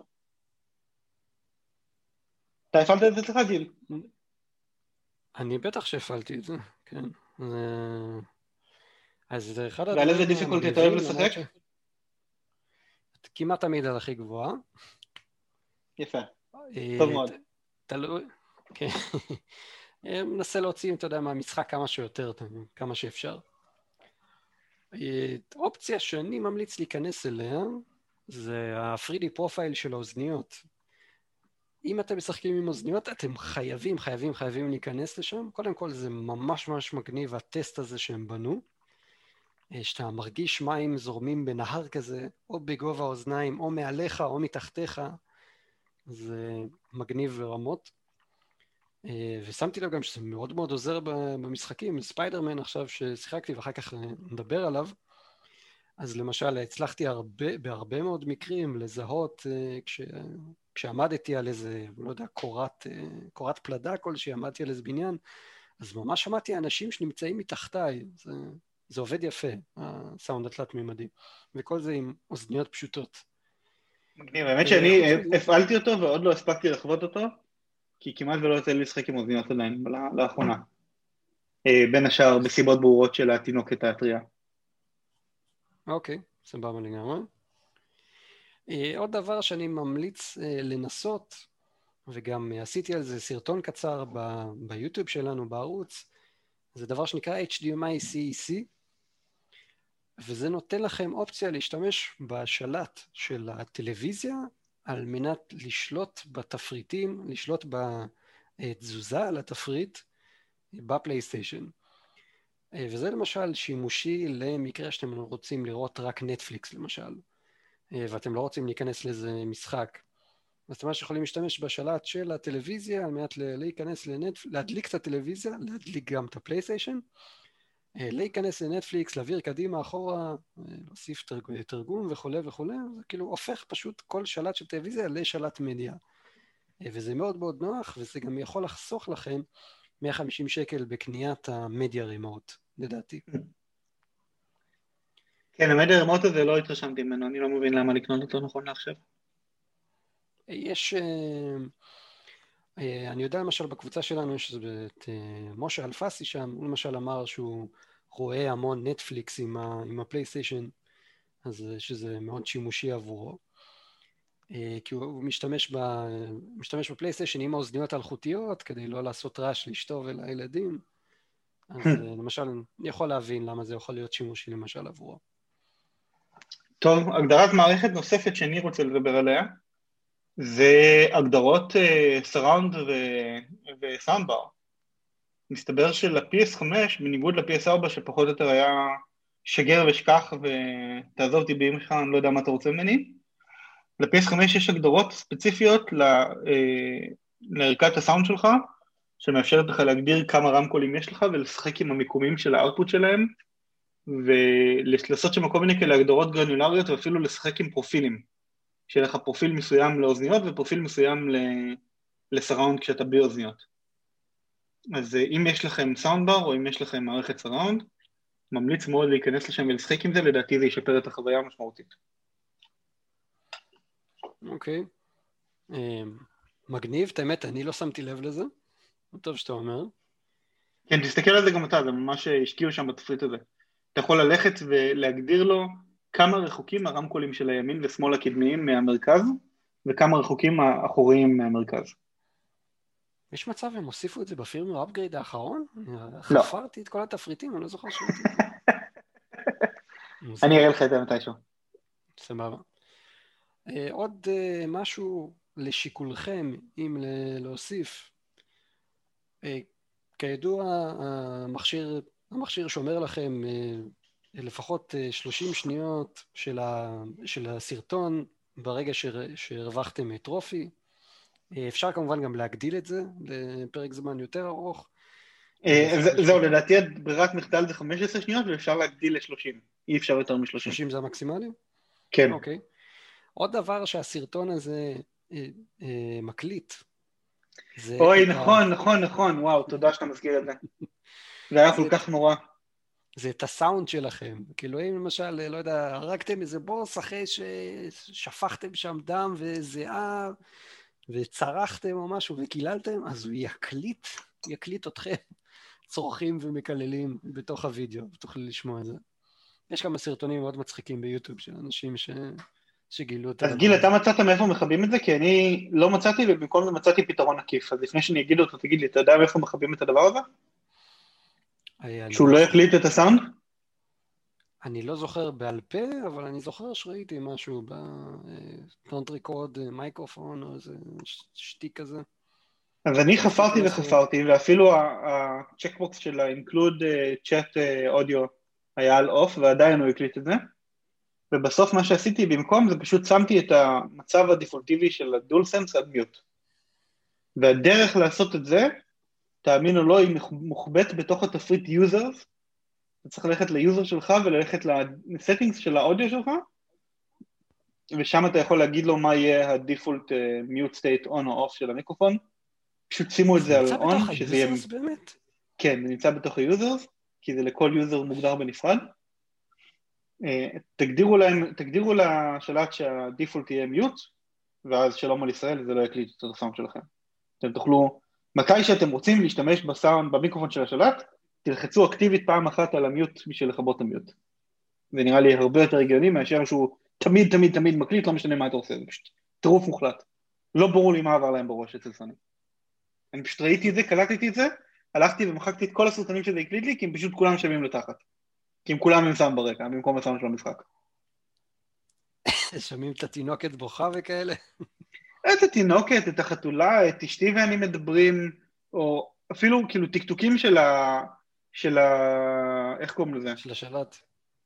של השלט, של הוויברציות של ה... נו, לא את רמבל, איך קוראים לך הזה, נו באמת? של ההפטיק. הפטיק פידבק. הטקטוקים של ההפטיק, שומעים אותם במיקרופון. מה? מה? מה חשבתם לעצמכם, סוני? למה זה לגיטימי? אני לא מבין את זה. אני דווקא הבנתי שמורידים, בדיפולט הם מורידים את העוצמה של ה haptics על מנת שזה לא יופיע במיקרופון. נכון, שזה על הפנים, זה אומר שאם אתם רוצים ליהנות מה haptics בצורה אופטימלית, אתם צריכים לשים את המיקרופון על mute. ו by default הוא לא על mute, אז by default ה haptics לא מנגנים במקסימום שלהם. אני okay. אוקיי. פשוט, כאילו, זה, זה מסוג הדברים האלה שאתה אומר לעצמך, מה חשבתם לעצמכם? למה זה לגיטימי שכל ההקלטה האוטומטית שהמכשיר מבצע בברירת מחדל תכלול את האודיו של המיקרופון של השלט? כאילו זה נשמע כאילו הם עשו את הפיצ'ר הזה במיוחד בשביל דימן סולס, או מהמשחקים המתעללים. נראה לי, זה, זה פשוט, זה, זה שילוב של כמה אנשים שעבדו במקביל על פיצ'רים שונים והם פשוט לא תיאמו אחד עם השני, והתוצאה היא משהו כזה מוזר. אה, אבל לפחות זה אומר שברגע שיהיה עדכוני תוכנה למערכת הפעלה, אז אני מקווה שיפתרו לנו הרבה מהבעיות האלה. אה, אבל אם כבר מדברים על עוד הגדרות, אני אזכיר עוד הגדרה אחת אחרונה ואז נעבור כבר מהסקשן הזה כי הארכנו אותו עד מוות. אה, בהגדרות ברודקאסט וסייב, אתה יכול להגיד אם אתה רוצה שהסרטונים יישמרו ב-1080p 30 fps או 60 fps, תלכו לשם ותעבירו את זה ל-60 fps, כדי שמתי שאתם כן מקליטים סרטונים ותעלו אותם ליוטיוב, אז אוטומטית הסרטון יהיה 1080p 60 fps, וגם עוד משהו נחמד, הסרטון גם מכיל HDR. כלומר, אם אתה מעלה ליוטיוב סרטונים מה-PS5, אז זה הופך להיות סרטוני יוטיוב שיש להם HDR, מה שאתה לא תמצא אצל רוב שחקני Play המפורסמים הגדולים, כי הם כולם משתמשים במכשירי הקלטה של אלגטו וכאלה שלא תומכים ב-HDR רובם.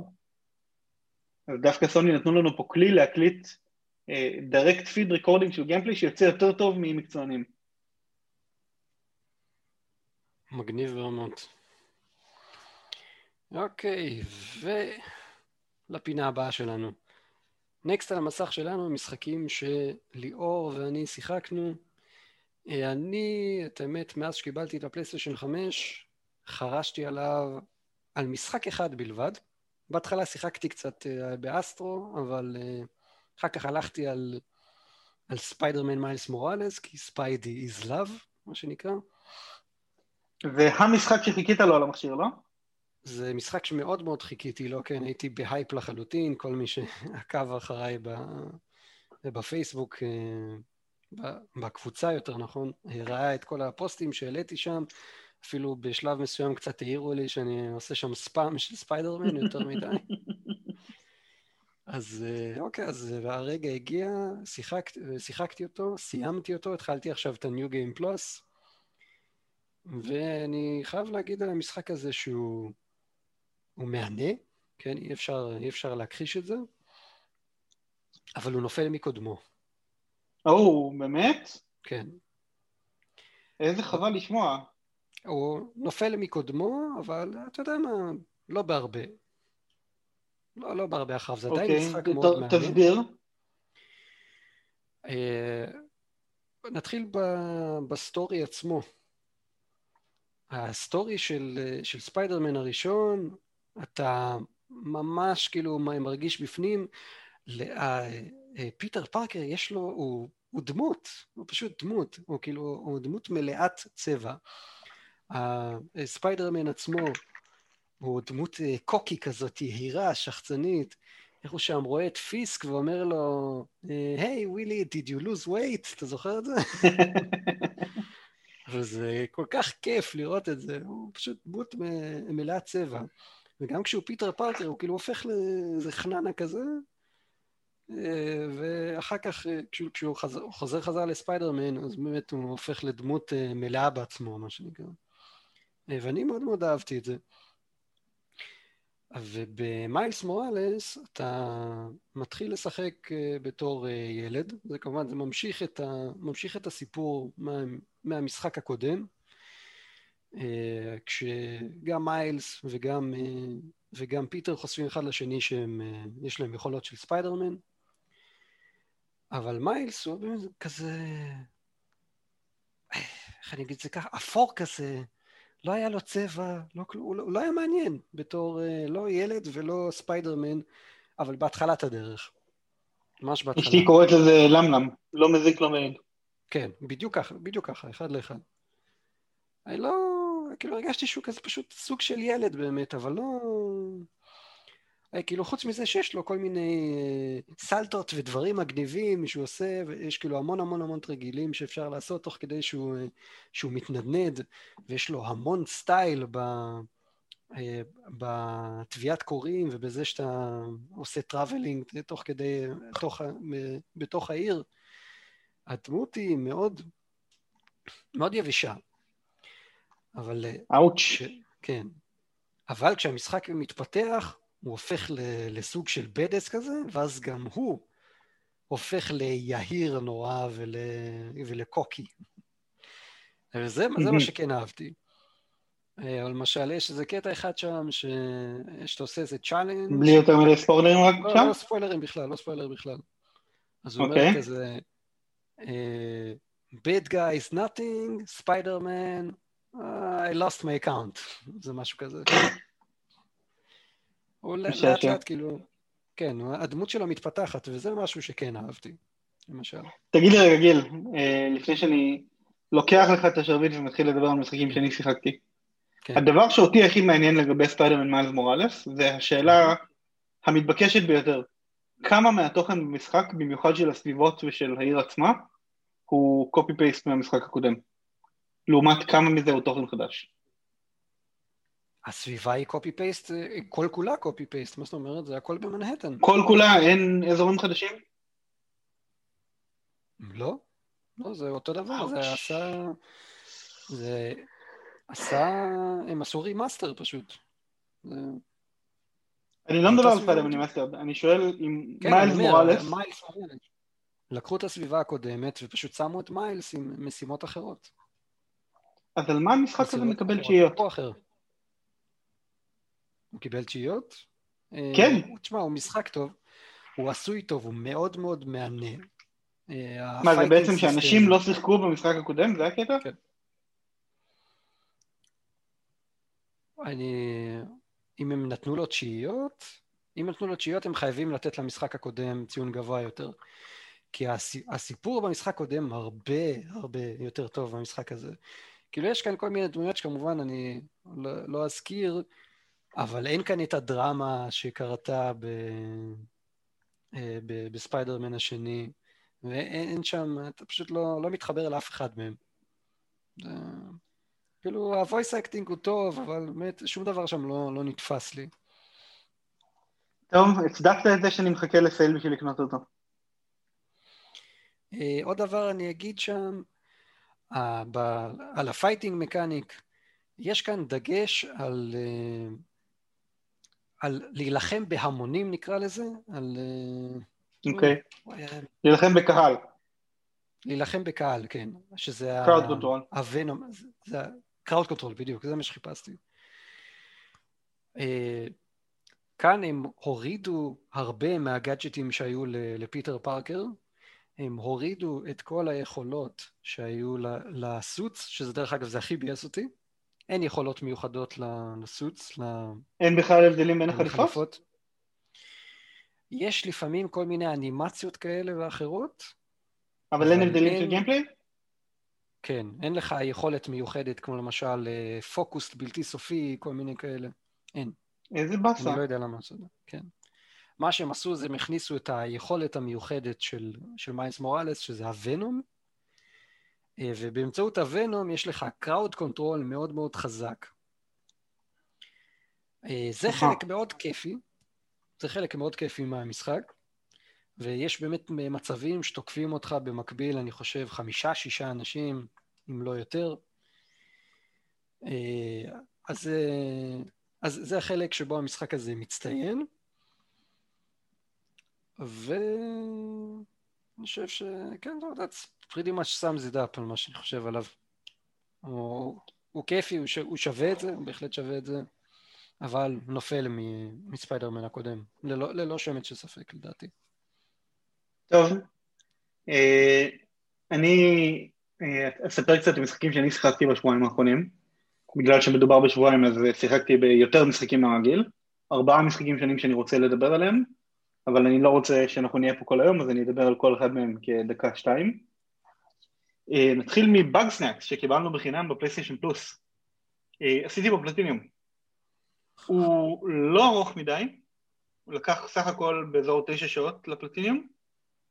אה, המכניקה הראשית של המשחק של למצוא איך לתפוס כל חרק על ידי כך כל חרטיף, אני קראתי להם חרטיפים בעברית, Bugsnax. אה, אז הטריק לתפוס כל חרטיף זה על ידי כך שאתה מצלם אותו ולומד את המסלול שלו ואיזה רטבים הוא אוהב, ואז גורם לו להתקל בחרטיפים אחרים או במלכודות שאתה שם לו.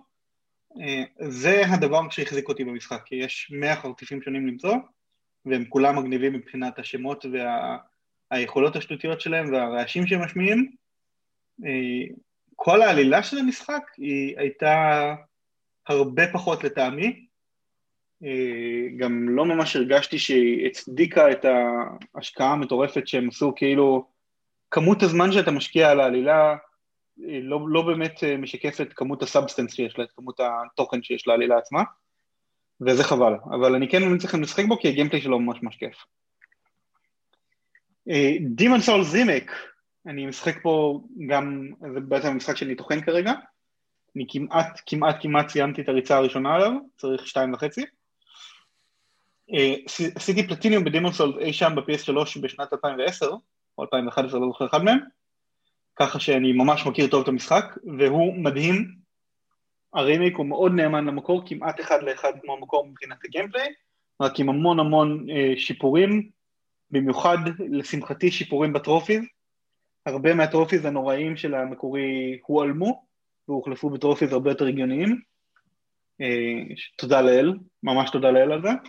ואני ממש נהנה מהמשחק ואני ממליץ אותו, ממליץ עליו לכל מי שאוהב uh, third person action וקצת קושי במשחקים שלו. זה משחק שהוא מאוד מאתגר, הוא דורש הרבה מאוד uh, התמדה, גם בשבילי שאני וטרן במשחק ואני יודע בדיוק מה אני עושה, עדיין בוסים מסוימים לוקחים לי 10, 15, 20 ניסיונות, למרות שבוסים אחרים אני הורג אותם לניסיון ראשון, זה פשוט מהות המשחק זה ככה. אז אני ממש ממליץ עליו משחק מדהים. סקבוי, הביג אדוונצ'ר, אני משחק אותו עם אשתי, הוא הגיע בהזמנה שהזמנתי מאמזון.קום, כמו שאמרתי, ישר הורדתי את שיטרוג של PS5 ככה שאני משחק רק את גרסת ה-PS5 והוא תענוג צרוף למרות שבינתיים סיימנו רק את העולם הראשון שלו עד הסוף, עולם של איזה עשרה שלבים בערך, אז כאילו זה לא פשוט, שהם די ארוכים, כל שלב הוא בערך אה, לפחות חמש עד עשר דקות, אה, וגם צריך לשחק את השלב כמה פעמים כי צריך להשיג את כל חלקי התחפושת וצריך להשיג את כל הבועות חלום וצריך לא למות. אז כשמשחקים co-op לא למות זה קצת יותר קשה מאשר לשחק לבד לא למות אה, ויש גם שלבים שהם רק co-op, יש שלבים שאי אפשר לשחק אותם לבד. טרון אתה יכול אבל אתה לא תצליח להתקדם בשלב. אז אה, אני מאוד נהנה במשחק, הוא מדהים ל couch co-op, אין לו עדיין online co-op, זה אמור להגיע בעדכון שיוצא החודש. ואחרון חביב יצא השבוע Immortals Fenyx Rising, המשחק open אה, world החדש של יוביסופט של הצוות של Assassin's Creed Odyssey, ששוחרר במקביל לעוד שני משחקי עולם פתוח, אין לי שם של מושג למה יוביסופט עשו את זה, אבל הם הוציאו שלושה משחקי עולם פתוח שונים בהפרשים של שבועיים אחד מהשני, את Watch Dogs ואת Assassin's Creed ואת uh, Immortals Phoenix Rising. Uh, קניתי שניים מהם, גם את Assassin's Creed וגם את Immortals, אבל החלטתי להתחיל מ-Immortals בעיקר בגלל שרציתי משחק שהאטמוספירה שלו יותר רגועה ופתוחה וכיפית. ואני חייב להודות שהוא ממלא את ההבטחה הזאת בצורה מדהימה. Uh, זה פשוט גרסה של יוביסופט ל-The Legend of Zelda Breath of the Wild של הסוויץ'. יש לך כאלה עולם פתוח שאתה יכול לטייל מתי שאתה רוצה, איפה שאתה רוצה, כמעט בלי הגבלות. יכולות שאתה מקבל בפתיח שנשארות איתך לאורך כל המשחק, עם המון אופציות לשדרג, המון אה, אה, לוט שאתה מוצא של אה, תחפוש, תחפושות שונות ונשקים שונים ושריונות מסוגים שונים, וזה פשוט כיף, כי אתה מרגיש godlike עם כל הכוחות שאתה משיג שם. אה, מי שאוהב open world, אקשן וקצת פאזל, אני ממש ממש ממש ממליץ עליו בינתיים מהשש-שבע שעות שהספקתי לשחק השבוע. אני רק שאלה אחת. אתה יכול לשאול גם הרבה שאלות. מאתגר? לא, אחת, כי אנחנו כבר... כמה זמן? לא משנה. לא משנה. אה, בואו לא נענה על השאלה הזאת. אה, בינתיים אני משחק על רמת קושי נורמל, כי אשתי התעקשה שלא נלך על הרד על ההתחלה, והגיימפליי בינתיים לא מאתגר, הוא די קל, הוא קל מדי. אה, לא יודע למה, אשתי פשוט החליטה, הסתכלנו אם יש טרופי על דיפיקולטי, ראינו שאין, תהיתי איזה רמת קושי לעשות, אשתי אמרה, אני לא רוצה לראות אותך נלחם באותו דבר שוב ושוב ושוב, אז תשחק על נורמל, ושזה אגב הרמה השלישית מתוך הארבע שפתוחות לך בהתחלה, יש חמש רמות קושי, ופתוח בתוכן בהתחלה רק ארבע. אז בחרתי את השלישית שזה הנורמל, והמשחק לא מאתגר בינתיים, הוא די קל. אבל נראה, אולי זה ישתנה. אני די, עדיין רק בישני מתוך שמונה, תשע בערך. אוקיי. אה, מגניב. פינה הבאה שלנו, והפינה האחרונה להיום, נקסט על המסך שלכם, ליאור ואני אספנו כל מיני דילים נחמדים ומשתלמים, כל מיני משחקים שאנחנו היינו ממליצים לכם לשחק. וכרגיל כל הדילים הם דילים מהשבוע, זה חשוב לציין. כן. אנחנו לא מביאים דילים שהם אה, לא עדכניים ושהם לא חדשים בחנות. אז, טלטלס באטמן שדוס אדישן. מי שלא יודע, טלטל לפני שהם התרסקו להם, הם היו אולפן פיתוח שעשה המון משחקים עלילתיים uh, בעונות כאלה של חמישה או שישה פרקים לכל משחק, שכל פרק הוא בין שעתיים לארבע של uh, עלילה כבדה עם בחירות ועם קצת גיימפליי ועם כל מיני uh, שחקני מדובבים מפורסמים. אחד מהמשחקים שהם עשו הוא על בטן, והבנתי שהוא ממש טוב, אני לא שיחקתי בו בעצמי. המחיר הרגיל שלו הוא 30 דולר, ועכשיו אפשר להשיג אותו ב-7.5 דולר. אז uh, נראה לי כמו דיל יחסית טוב. אוקיי, okay, המשחק הבא, Alien Isolation, 8 דולר. uh, לחובבי האימה ואנשים שאוהבים לשחק עם uh, חיתול צמוד, חיתולי מבוגרים. זה, זה אחד המשחקים הכי מלחיצים שאתם תוכלו לשחק בחיים שלכם. ואני אגיד בקצרה, ממשיך את העלילה של הסרט הראשון של האליאן, ואתם פשוט לכודים בתוך ספינה כאשר החיזר מסתובב מסביבכם, ואתם צריכים לעשות כל מיני דברים ולשרוד אותו. תוך כדי שאתם שומעים שהוא נושם עליכם, מסתכל עליכם, כן רואה אתכם, לא רואה אתכם. זה כנראה בין, האחד, בין המשחקים הכי הכי אה, מפחידים ומלחיצים שאני חושב שאי פעם יצאו. אלין איסוליישן. נקסט. ומה המחיר שלו? אמרתי שמונה דולר. אה, אוקיי, סליחה, לא שמעתי. Next, Ni no Kuni Remastered. אז Ni no Kuni ביפנית הארץ השנייה או העולם האחר. זה סדרת משחקים שהראשון מביניהם יצא ל-PS3 במקור, וזה remaster שלו ל-PS4. אה, הקטע של המשחק הזה זה שהוא שיתוף פעולה בין Level 5, שזה אולפן פיתוח אה, משחקי תפקידים יפנים אה, מאוד מאוד מוצלח, שגם עשה את סדרת Dark Cloud, לבין סטודיו ג'יבלי, הסטודיו animation המאוד מאוד מפורסם שעשה המון סרטי קולנוע מוצלחים, כמו Princess Mononoke ו My Neighbor Totoro ו Spirited Away, אז כל הקטעי אנימציה במשחק המקורי הם נכתבו ונעשו על ידי סטודיו ג'יבלי, שזה מדהים. וכל המשחק הוא לא נראה כאילו הוא סרט אנימי אחד גדול. אה, זה משחק תפקידים בתורות יפני קלאסי, עם מערכת קרב שהיא קצת כוללת תנועה בתוכה, אבל היא בפועל בתורות, ועם סוג של אלמנט פוקימון כזה, שאתה יכול לתפוס מפלצות שאתה ניחם בהן ולהשתמש בהן אחר כך בקרב, והוא עולה 12.5 דולר במקום 50 דולר, זה משחק ממש ממש טוב, ואני ממליץ עליו. The Dark Pictures Anthology Man of Midden אה, מגיע מהאולפן Supermassive Games שאחראי על Until Dawn המצוין.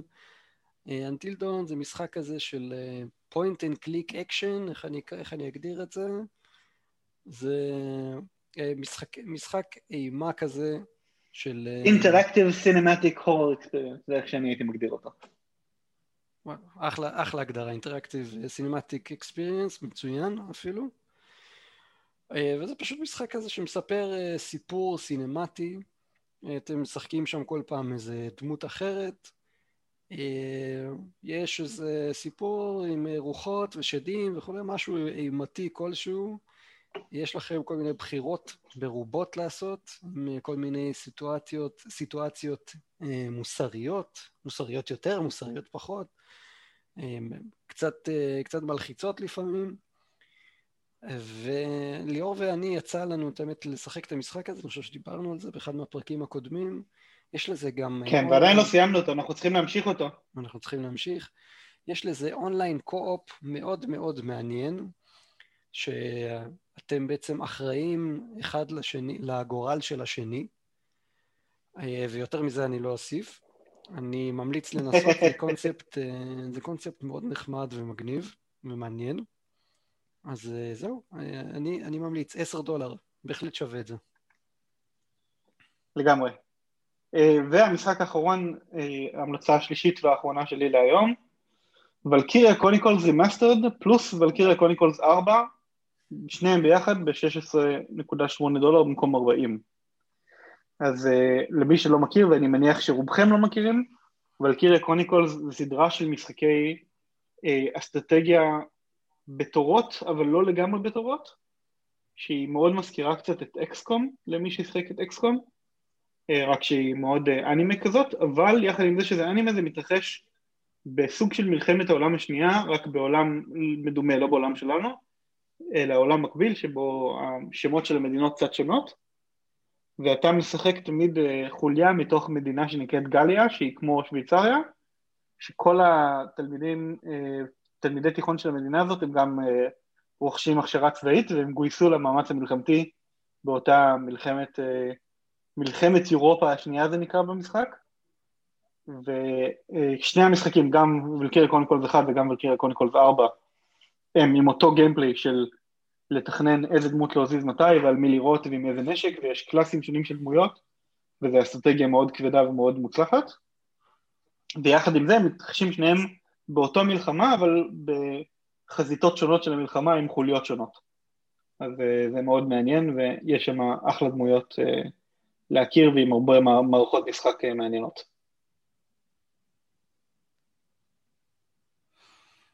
וזהו, זה סופו של פרק 15, אה, ליאורי?